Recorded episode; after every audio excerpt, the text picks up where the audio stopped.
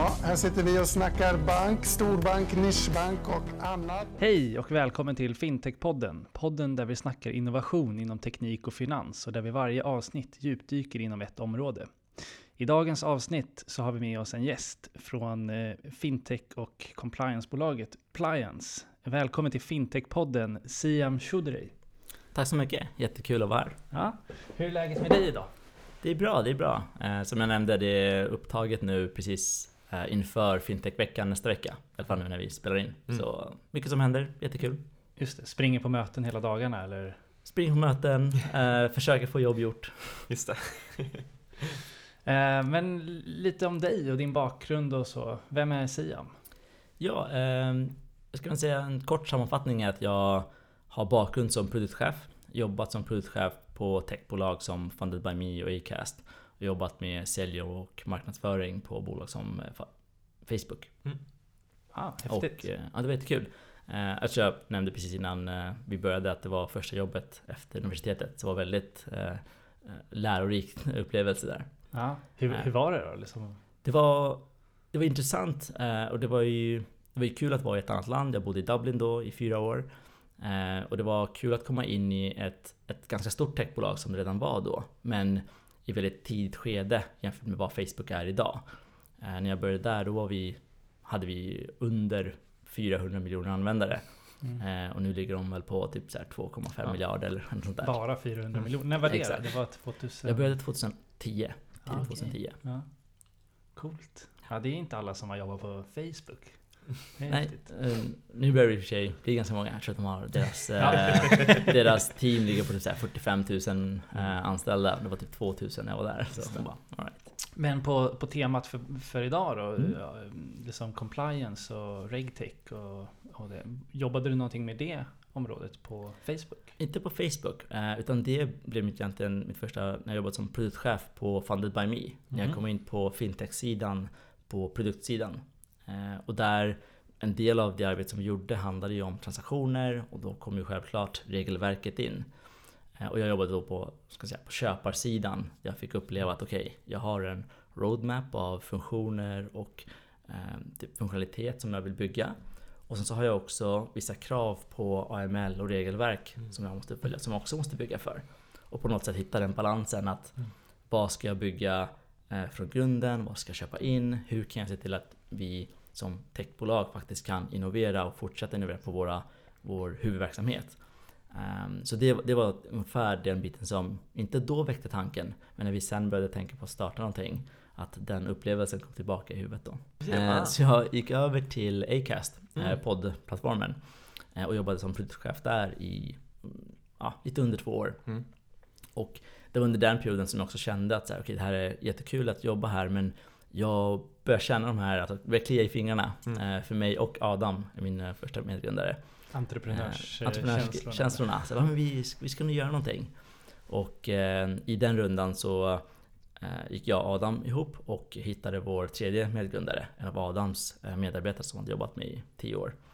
och tillsammans så kände vi att okej, okay, vi har alla jobbat inom fintech, inom Adam och Thomas har jobbat som utvecklare inom bank och finans och har byggt AML-verktyg ja, men då finns det en så naturlig ska säga, kombination som vi kan bygga på. Och, och, därefter så började vi. Jag tror vi Tanken kom i slutet av 2017 och vi började halvformellt eh, 2018 i januari. Mm. Så nu har det precis blivit två år sedan vi började. Och ni är eh, idag fortfarande ni tre då? Eller? Det är fortfarande vi tre som kör. Kul. Eh, men om vi går in lite på på dagens tema, eh, RegTech, eh, som ni sysslar med. Det finns ju olika regelverk som, som liksom kanske, man, skulle man kunna säga att det driver utvecklingen lite framåt eller pushar det framåt? Mm, där kan man ha lite olika tankar. Men regelverket har ju funnits väldigt länge. Mm. Eh, jag skulle inte säga att det är regelverket som har drivit innovationen framåt. Utan Nej. regelverket har ju funnits som att okay, det här är vad som behövs göras som ett, som ett minimum egentligen. För att motverka till exempel penningtvätt. Eh, och sen så har jag tror kulturen inom till exempel finansbranschen varit att ja, men, det här är en kostnadscenter egentligen, det här tjänar till pengar, mm. vi måste få det här gjort. Och då har det hamnat i, eh, vad kan man säga, backburnern i termer av innovation. Mm. Att, okay, vi kan anställa personer som bara gör de här sökningarna, gör de här kontrollerna. Mm. Eh, och så har det byggts upp en industri kring det och att uh, typ, erbjuda de tjänsterna. Eh, snarare än att innovera på tjänsterna. Och jag tror att nu de senaste 3-4 åren när fintech har tagit fart ordentligt. Då har främst de här modernare fintechbolagen insett att de kan inte bara förbättra på framsidan av bolaget, på mm. user interface och eh, liknande funktioner, utan de måste också tänka på vad händer i backoffice. Vi måste automatisera och effektivisera de bitarna för att kunna sen ge ännu mer värde på produktsidan. Så måste tänka på liksom både front office, middle office och back office. Exakt. Och ha en eh, fin och, balans. Exakt. Och har man eh, glömt eller inte brytt sig om back office länge, då blir det alltid en bottleneck. Mm. Eh, det blir en flaskhals för där kommer inte kunderna igenom och på, på så sätt så eh, påverkas det upplevelsen på resten av eh, bolaget och de produkter som man vill erbjuda.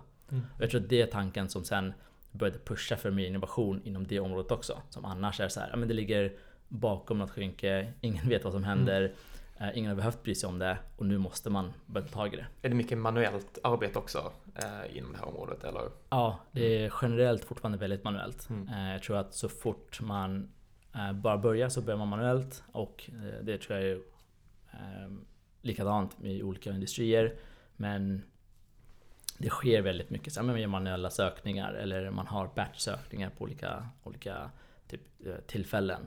Men det är ingenting som är regelbundet och konsekvent mm. som, som det skulle kunna vara. Eh, det blir fortfarande gjort men det kan bli göras mycket bättre.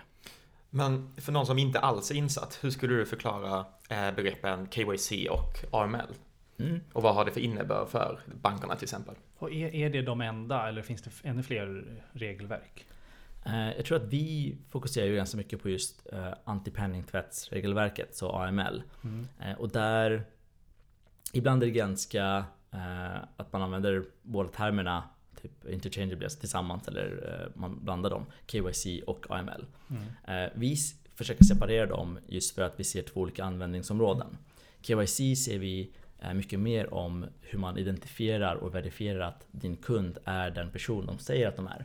Så ja, om Gustav säger att han ska bli kund, okej hur säger vi att det är Gustav som vill bli kund och inte någon annan med hans identitet? Just det, det är därför det heter eh, Know Your know Customer. Your customer. Mm. Men däremot så finns det lite variationer där Know Your Customer också handlar om hur kunden beter sig i, ditt, i din produkt. Mm.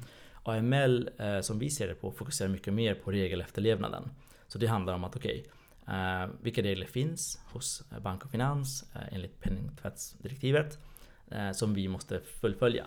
Och som en bas så är det att okay, vi måste veta om våra kunder är sanktionerade. Eller de som försöker bli kunder är sanktionerade. Vi måste veta ifall de är politiskt utsatta personer eller inte. Eh, och det är de processerna som har med just regelefterlevnaden som vi definierar som AML. Eh, men de används lite olika i industrin. Mm.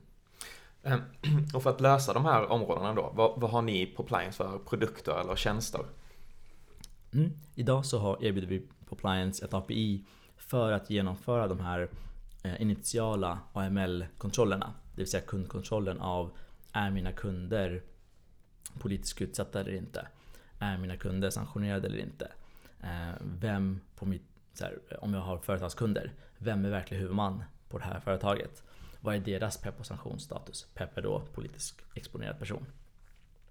Eh, och bara den biten är ju den initiala kontrollen som man måste göra. Och idag, i dagsläget så är det mycket tid som spenderas på att bara göra den. Ganska manuellt eller inkonsekvent. Man, man måste göra det här regelbundet eh, beroende på vilken typ av industri man har eller man jobbar i. Eh, och där ser vi en, en stor eh, nytta som fortfarande behövs. Eh, där man kan fortfarande spara väldigt mycket tid och mycket pengar på att inte göra det här på ett manuellt sätt. Mm. Och liksom, vilka, vilka tekniker använder ni för att eh, förbättra och lösa mm. de, dagens problem? Um, vi, tror vi, vi, vi går från hela uh, utbudet av väldigt bastekniskt i termer av att okej, okay, på vissa sätt så måste vi bara börja digitalisera vissa. Uh, och i digitalisering idag så handlar det inte om att gå från papper till digitalisering utan snarare hur man går från manuella processer mm. till mer automatisering. Um, till processer som, okej okay, hur ser vi till att de här kontrollerna som man har gjort, hur bekräftar man det för till exempel en revisor eller en tillsynsmyndighet att vi har gjort dem när vi ska ha gjort dem. Eh, och det här är tillförlitlig data. Och där går vi över till exempel krypteringsteknik och blockchain och liknande. Och i framtiden så ser vi användningsområden för machine learning och AI. Men det är väldigt hela spannet egentligen. Från typ automatisering av med API, bra system, moderna backend-system som moderna bolag kan bygga på. Eh, till mer edge-tekniker mm. som behövs för mycket mer specifika eh, processer. Mm. mm. Intressant. Det var lite intressant eh, innan vi började spela in så diskuterade vi lite vilka som var era typiska kunder. Mm. Och att det har skilt sig lite från när ni startade tills idag. Liksom. Att den tekniska mognaden ute hos olika aktörer kanske skiljer sig. Har du någon reflektion om det? Absolut. Eh, när vi först började, så vår produkt är en API-baserad produkt. Vilket betyder att våra kunder gör integrationen själva. Eh, med hjälp av vår dokumentation och vårt system. Eh, men det kräver också att våra kunder har teknisk kompetens, teknisk personal. Och när vi först började, då kunde vi i princip bara rikta oss mot väldigt moderna nya fintechbolag. Mm. Och, men vi gjorde satsningen på att men, teknisk mognad är inte någonting som är bara för eh, nästa fintech-jätte utan alla eh, måste, alla måste mm. komma dit. Mm. Och det har vi börjat se när alltså fondbolag, värdepappersbolag, eh, fondkommissionärer, alla börjar skaffa i princip sina CIOs, sina CTOs, sina egna utvecklare. Och börja titta på sina system eh, för att ah, hitta förbättringsmöjligheter och effektiviseringar. Eh, och kunna bygga verktyg som funkar för hur de vill jobba. Så den förändringen har vi sett och det hoppades vi också på. För då breddade det vår, vår marknad också. Mm. Mm. mm. Men om man kollar på um, de senaste årens stora skandaler hos eh, olika nordiska storbanker. Mm. Eh, är det områden som man med ny teknik hade kunnat liksom undvika de här problemen som de har haft? Eller vad, enligt ditt perspektiv, liksom, vad är det mm. som har gått fel hos de här aktörerna? Ehm, det är ganska enkelt att säga att ah, med ny teknik hade man kunnat lösa alla problem. Jag tror att det är dels snarare hur man använder teknik och hur man ser på en, en process.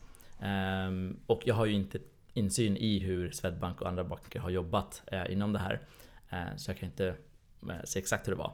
Men min gissning är att många saker har jobbat som de alltid gjort. Mm. man har inte nödvändigtvis anpassat sig efter hur ja, pengatvättare eller kriminella mm. faktiskt använder sig av. vilka metoder de använder sig av för att dölja processer. Mm. Eh, och i och med att processerna själva är relativt manuella eller tidskrävande och kanske inte konsekventa så gör det också det svårt att hitta och upptäcka mönster och eh, eh, få tips på att okay, men det är så här de gör. All right.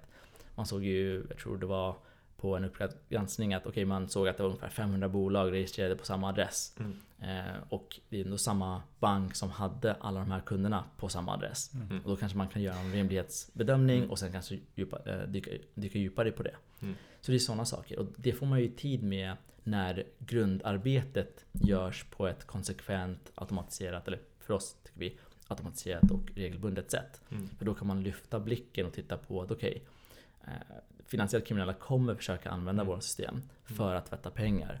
Och hur skulle de göra? Vad mm. finns det för system? Vad, eh, vad säger branschen? Hur funkar det?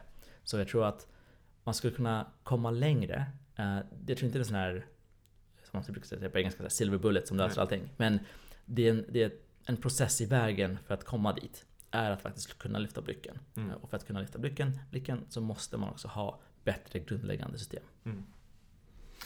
Eh, och lite inne på det här området så har, uh, diskuterar vi lite fun facts, eller kanske sad facts kanske man ska säga mm. tidigare. Med hur stor del av de här volymerna pengatvätt till exempel som verkligen fångades. Hade du någon insikt där? Ja, eh, jag tror den senaste statistiken som jag har att gå på är att ungefär 100 miljarder kronor tvättas i Sverige. Eh, jag tror det är triljoner eh, globalt. Mm. Var, varje år då? Precis, varje år. Och glo den globala siffran är att man eh, återhämtar eller i alla fall får tillbaka ungefär 3% av den tvättade summan eller de här finansiella, illegala finansiella flödena. Så det lämnar ju väldigt mycket som fortsätter flöda genom våra system. Eh, som, så det finns väldigt mycket kvar att göra. Eh, och det, det, kan man ju se som så här sad eller att, att det, är, det finns det är ett stort problem som inte har lösts. Mm. Men det finns också väldigt stora möjligheter att eh, ja, skapa, dels skapa samhällsnytta. Mm. Ja, men, om 97% av de här miljarderna och äh, biljonerna kommer tillbaka in i mm. samhället igen. det kan ju inte lösa alla problem men det kommer ju Mm. definitivt hjälpa med allt från ja, men, sjukvård och allt sånt. Ja. Det fi- finns en del att jobba med. va? Ja, det finns Ja. delar att jobba med. Och det är ju Ja, positivt för, för sådana som er som vill Ja, lösa absolut. sånt. Absolut. Det är jätteroligt. Och särskilt nu när de kanske bankerna har fått en press från Liksom, de eh, ryktas få massa böter, både från USA och här i Europa. Liksom, och då finns ett Mm. annat incitament kanske att se över de här processerna och verkligen förbättra dem. Absolut. Jag tror att det, fin- defini- det finns definitivt ett, en, en vilja att ja, men, eh, lösa det från ett perspektiv av att okej, det ska inte finnas kriminalitet. Vi ska Mm. inte ha den här typen av, eh, eller att vårt system missbrukas på det här sättet. Mm. Sen så beroende på men, vad man har som prioriteringar och hur ett bolag drivs så hamnar det tyvärr i att okej, hur kan vi komma undan med att göra det som behövs göras Mm. eh, och följa lagen, men inte mer. Mm. Och jag tror att lagen ska man ju se som, i det här fallet, så här, men det är ett minimum. Eh, Exakt. Så det här är baskraven som eh, har kommit fram till och sen så kommer arbetet för att faktiskt motverka det ligga långt fram. Om man kollar på området Open Banking, alltså PSD2-regelverket, är Mm. det någon typ av data som ni använder er av idag eller som ni har kikat någonting på om ni skulle kunna använda er av? Ehm, inte egentligen, utan på just AML-sidan så ehm, tittar vi mer på men, sanktionslistor, politiskt Mm. utsatta personer, verkligen hur man, den data som finns hos eh, lite olika leverantörer. Mm. Eh, när vi senare tittar på till exempel transaktionsanalyser och så, då kan det vara mer intressant. Men då är det nog fortfarande inte PSD2-data som kommer vara relevant för oss. Mm. Utan då är det banktjänsten eller Finansinstitutets egna transaktionsdata. Ni är mer inne i systemet Precis, då är vi redan. inne i systemet. Mm. Och eh, för oss skulle jag inte tänka mig att vi behöver eh, att en kund ger oss tillgång för att titta på deras data. Nej. För om, ja, enda anledningen skulle vara ifall kunden själv utför någon sorts eh, finansiell kriminalitet. Mm. Då skulle vi se det, så det skulle inte vara någonting. Mm. Eh, utan vi ser ju PSD2 som ett sätt eh, som breddar marknaden. Det är ju fler bolag som då har börjat erbjuda finansiella tjänster. Eh, och till en början så blir det ju ett sätt för dem att komma in och få tillgång till eh, kundernas eh, transaktioner och kunna, alltså kunna erbjuda kunderna bättre funktioner. Mm. Eh, men då fortfarande genom deras koppling till eh, ska man säga, hembanken eller hemtjänsten, inte hemtjänsten men hembanken. Mm. Mm. Eh, Men däremot så kommer just de sen behöva hitta kunder på eget sätt som de själva äger eh, transaktioner och så på. Och det breddar ju igen för att då hamnar de inom eh, ska man säga, kravet på penningtvätts eller penningtvättsarbete och AML. Och då blir de potentiella kunder till oss. Så vi ser PC2 som ett sätt att bredda marknaden för oss snarare än en funktion in för oss själva. Men bortom liksom transaktionsdata och så, finns det andra data som, som du i, i ditt pers ert perspektiv ser skulle kunna vara eller är användbart för, för att motverka eh, fraud? Ehm, det, finns ju, det finns olika datakällor som, ja, men, som vi till exempel jobbar med. Att hitta kreativa sätt att kombinera och Mm. eh, titta på data för att använda för att men, helt, dels titta på ehm, ja, men, eh, vilka personer är som är ens kund. Så att man verkligen har bättre koll på det. Eh, men också sen för att se eh, om man kan ska säga, eh, rensa datan också med andra källor. Ehm, och där kan man använda till exempel existerande datakällor. Eh, och sen så byggs det på nya Mm. datakällor av leverantörer och eh, mer researchbolag och sånt som vi kan använda oss av. Mm. Ehm, om vi diskuterar lite, du, du sa mycket att er tjänst är en typ av self-service. Ni har ett API som är tillgängligt då för utvecklare från andra företag. Mm. Hur tycker du den här affärsmodellen, den är väldigt modern i tiden. Det är många bo, stora bolag som använder sig av samma. Mm. Funkar det bra? Hur, hur sker kontakten mellan er och era eh, bolag som använder era tjänster? Precis, eh, det är ju en, en annorlunda, ett annorlunda sätt att, eh, att sälja och att ha en, erbjuda en produkt. Ehm, Det finns ju, ska man säga, vi ser ju mycket fördelar med det. Eh, Men det finns också eh, ska man säga, utmaningar. Mm. Utmaningar är till exempel att ja, men, det måste finnas en teknisk mognad. Det måste finnas Mm. en utvecklare. Eh, Man loggar inte in på oss och sen börjar använda det som, en, som ett webbinterface. Och det är också tanken med det. Att vi vill inte att Plan ska bli ett till webbinterface att logga in på när man Mm. har sina CRM-system och adminverktyg. Utan Mm. här ska allting vara inbyggt i deras existerande flöden. Jag tror att den här typen, även om det blir vissa hinder och utmaningar, så ger det större flexibilitet för kunderna. Ehm, har man en, en API-tjänst eller som oss till exempel, då kan man välja logiken för hur det ska fungera, när det ska fungera. vem i deras bolag som ska göra vad. Det kan man, har man total kontroll över själv. Mm. Så man kan ju utforma och designa en process utifrån hur man själv vill jobba. Mm. Snarare än att anpassa sig till att okej okay, men plien säger att man måste jobba så här. Mm. Okej, då måste vi logga in här och trycka här och så. Mm. Jag, tror att, jag tror att det är framtiden Mm. eh, i termer av att för att kunna få total flexibilitet. Mm. Sen kommer det alltid finnas eh, industrier och områden där man inte behöver den typen av flexibilitet. Mm. Eh, men jag tror när det kommer till höga volymer eh, och hög arbetsbörda på processerna. Då vill man nog kunna automatisera och utifrån sina egna behov och inte Mm. bara från eh, ett etablerat system. Mm. Ett paket liksom Ett som paket, man köper. Mm. exakt. Eh, vet, vet vi idag liksom var eh, den, den största delen av pengar tvättas? Så vilken typ av transaktioner det är? Är det jättetransaktioner eller är det många små transaktioner? Eller vem är den typiska? Ja, det är nog... Alltså, eh, det finns ju säkert research på det. Men jag tror Ja. att det är en ganska stor mörkersiffra. Mm. Eh, för jag menar, processer som finns och regelverk som finns tittar ju på men, minimumtransaktioner och hur man undviker structuring eller strukturering. Eh, men sen ser man ju också eh, med till exempel de här bankskandalerna att det var relativt stora summor som skickades fram och tillbaka också. Mm. Som ändå inte upptäcktes. Så jag tror det finns en blandning där. Eh, Men jag tror den, den stora, och det här är anekdotiskt, men det stora kommer ju nog från, mer från eh, organiserad brottslighet. Mm. en större klump. Snarare än enstaka eh, och mindre transaktioner. Eh, har, har du några så här framtidsspaningar inom det här området? Förutom de vi redan varit inne på. Ja, tror du att det kommer komma fler regelverk eller eh, något, andra, något annat inom, inom AML och Eh? Det är ganska vaga framtidsspaningar från min Ja. del men det är snarare teman som jag ser eh, dyka upp. Och det är ju mer att nu behöver vi se innovationer och teknisk framgång på det här området. Och då kommer vi också kunna se det, förhoppningsvis se det utvecklas mycket snabbare än det har gjort de senaste tio åren. Ehm, Och jag tror fokus kommer ligga på att inte bara efterleva reglerna utan också syftet med lagarna. Det är, vilket är att motverka finansiell kriminalitet. Eh, syftet med penningtvättsdirektivet i- Sverige är inte att man ska checka boxen på att okej, nu har vi kontrollerat kunden. Utan Mm. man har gjort arbete som leder fram till eh, mindre finansiell kriminalitet, mindre tvättade pengar. Mm. Så jag tror att det syftet kommer att genomsyra arbetet djupare eh, ju, ju längre fram vi kommer. Eh, och det är också hoppet. Att man, tittar man på det på det perspektivet då börjar man ju också utforma sina processer på ett annorlunda sätt. Eh, och jobbar och prioriterar eh, arbetsbördan i sitt företag på ett annat sätt. Mm. Så det, det ser jag. Eh, och sen så tror jag också att det kommer ligga som ett... I mean, man kommer jobba mycket hårdare mot okay, hur kommer vi kunna använda teknik för att upptäcka finansiell kriminalitet? Hur kan vi rapportera det? Hur kan man få hela flödet från upptäckt till rapportering till att Finanspolisen och, och liknande myndigheter kan ta, ta handling och ta action på det. Eh, Att man förbättrar hela det flödet. Mm. Eh, Så det hoppas jag på i alla fall, att det är Mm. det vi ska göra. Men om man kollar på, du sa ungefär 100 miljarder tvättas årligen i Sverige. Mm.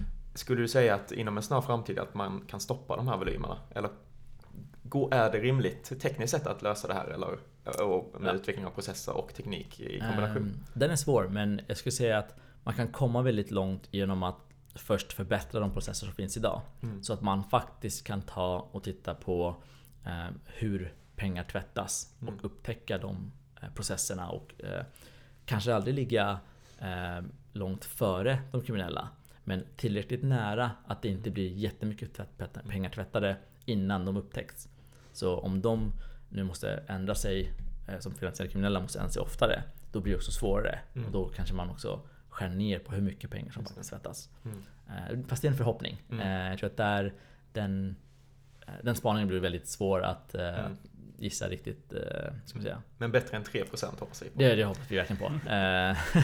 Det, det är nog det skulle vara bland de sämsta i termer av eh, så här, vet du det? Ehm, lösningsrate eller vad ska man Mm, säga mm. på, eh, på någon sorts kriminalitet. Ett annat område som jag kommer att tänka på det är, det är ju eh, blockchain och kryptovalutor och Mm. hela den biten. Vad, där man läser, eller har läst de senaste tio åren om hur mycket pengar som tvättas genom det och, och Ja. genom användandet av bitcoin och andra kryptovalutor. Eh, jag läste förra året tror jag att det var att 4 miljarder dollar hade stulits från Mm. ja, och så vidare. Och vidare. Eh, är det något som ni jobbar med eller har du nå, någon take på hela den biten? Ehm, vi jobbar inte speciellt särskilt mot eh, eh, exchanges och sånt. Vi har eh, ja, diskussioner med exchanges och liknande som potentiella kunder. Och där är ju regelverket detsamma. Mm. Eh, utan det handlar ju oftast om men, var i världen som regelverket råkar vara eh, mindre robust och så går man in dit och så försöker man eh, använda det till sin fördel då. Om man försöker ha, jobba med eh, men fraud eller kriminalitet Mm. med kryptovalutor. Ehm, men sen så tror jag att alltså, regelverket där håller på att förändras.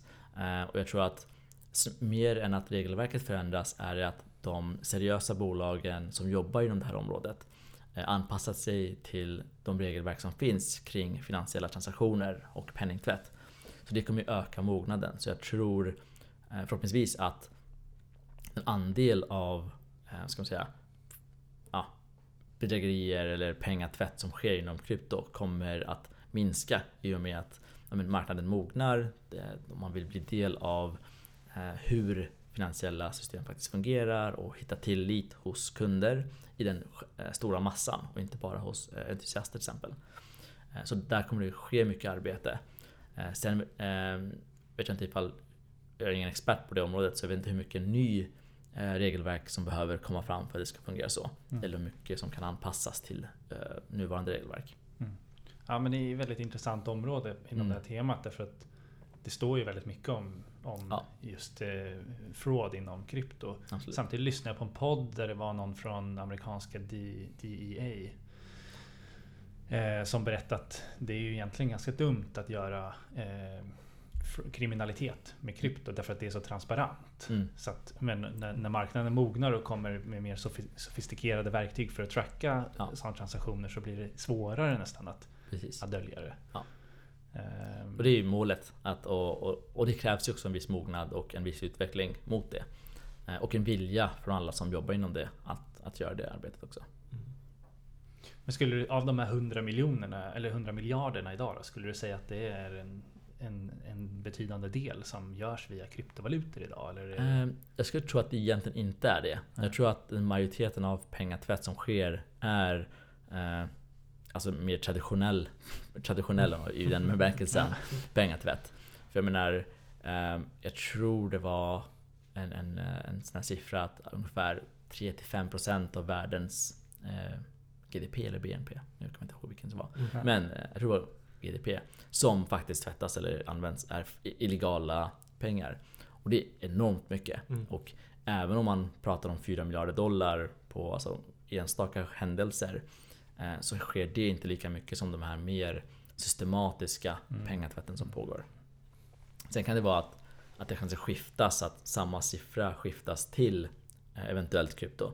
För att det just i, på kort sikt förenklar. Mm. Eh, Men jag tror inte att i stora hela att det är krypto som driver. Ja, intressant. Men nu har ni kört Appliance i ungefär två år. Mm. Eh, har du några tips eller så här lärdomar till andra fintech-grundare eller folk som funderar på att starta upp? Vad ska man tänka på? Vad ska, vad ska man undvika kanske? Ja, ehm, jag, jag älskar ju produkt och att jobba inom det. Så, eh, och coachar startups inom det också. Men alltså, grunden är ju att, att, att tänka på vad det är för värde som den tilltänkta produkten ska tillföra. Och att kunna validera och, och visa det. Eh, och sen jobba på alla, med alla coola extra saker. Så jag tror att Mm. fokus är jätteviktigt. Mm. Eh, Fokus och att tydligt kunna visa från första versionen eh, vad är det för värde som vi tillför vår kund eller vår användare med den här produkten. Eh, och den, den kan vara svår och jag tror att så här, börja med att intervjua potentiella kunder och intressenter och stakeholders eh, innan man börjar alltså, fokusera på programmering och design och Mm. de här bitarna. Utan man måste förstå kunden och vart, vart värdet ligger Så affärsvärdet. Liksom. affärsvärdet Ja. och ehm, vad är det för eh, alltså förtjänst som man ska få från, från Mm. den här appen eller från tjänsten eller från produkten. Mm. Så det, det är mitt nyckeltips till alla som vill starta eget. Mm. Hur har det varit de här två åren då? Har ni, har ni jobbat ihjäl er eller hur? Nej, vi har jobbat mycket men vi är också ganska måna om att, eh, jag menar, nu låter det klyschigt men, men här, att, att driva företag det är ju en, det är inte en sprint. Man, man jobbar inte i så, ah, men tre månader så ska man mm. se någonting eh, och allt går jättebra. Utan man måste kunna eh, jobba för det långsiktiga. Så vi är ganska måna om att ja, ta hand om varandra, eh, alltså, eh, rent hälsomässigt, eh, mentalt och fysiskt. Eh, och också bygga en bra arbetskultur som vi kan fortsätta med och växa när vi blir många fler än tre personer. Mm. Ehm, och det har gått bra och det har gått, vissa saker har gått mycket snabbare än vad vi tror och andra saker tar längre tid. Ehm, vi började 2018, jobbade väldigt mycket med produktutveckling och intervjuer och jobbade med att förstå kunden. Och man ska säga att vi egentligen gick ut till marknaden eh, förra året, ungefär ja, februari-mars. Och började få in våra första kunder då. Vi kom med i en, en, en, en tech-accelerator som heter Sting, fick jättemycket hjälp där. Ehm, och sen kunde jag accelerera och fokusera på okay, hur säljer vi produkten? Hur eh, pratar vi om vår produkt och hur bygger vi produkt för att eh, hjälp, hjälpa kunden? Eh, och det känner vi att okay, det har vi gjort ungefär en bra bit under 2019. Och nu under 2020 då, mm. är vårt fokus på att okay, men nu har vi en produkt som levererar, som våra betalande kunder får värde av. Mm. Okej, okay, men hur kommunicerar vi det här till andra kunder? Hur hittar vi fler kunder inom vårt segment? Så det är ett stort fokus på det under 2020. Eh, och att kunna vidareutveckla med våra kunder eh, vart produkten ska ta vägen. Mm. Häftigt. Mm. Eh, det har varit verkligen intressant att snacka med dig. Mm. Eh, men, men, vi har varit inne lite på hur bankerna behöver mogna lite för att kunna mm. använda era tjänster och, och så vidare. Men, men om, man är, om någon aktör är intresserad av att jobba med er, hur går man tillväga? Kan de kontakta er någonstans? Absolut. Um, så dels enklaste sättet att kontakta uh, mig direkt. Uh, siam, S-I-A-M, at pliance.io. P-L-I-A-N-C-E.io mm. uh, Och så kan man googla också, det brukar funka också. Um, men, och då kan man ta en diskussion. Um, vi brukar oftast, när vi når ut till kunder så når vi oftast ut direkt till en techkontakt. Mm. Uh, för vi har all vår dokumentation på vår hemsida så man kan se direkt om det här är ett system som man kan bygga mot eller inte. Hur ett, eh, ska man säga, en API-kallelse ser ut, hur ser responsen ut? Eh, så man får egentligen all information direkt och kan ta ett snabbt beslut för att kunna se, okej, okay, kommer det här ge oss någonting? Mm. Men absolut, ta kontakt med mig så kan man ta en diskussion. Och jag kommer också vara på Fintech-veckan nästa vecka. Nu vet jag inte ifall den podden kommer ut i tid. Förhoppningsvis men, innan. Eh, annars så har ni redan pratat med mig säkert. eh, men då kan man nå ut till oss direkt för att eh, boka ett möte. Mm. Ja. Ja, men då ska vi nog ta avrunda det här. Det varit superintressant att ha dig här. Ja, tack så mycket, det var jättekul att vara här. Ja. Tack. Så tills nästa gång så hörs vi och ses. Yes, ciao. Ciao, ciao.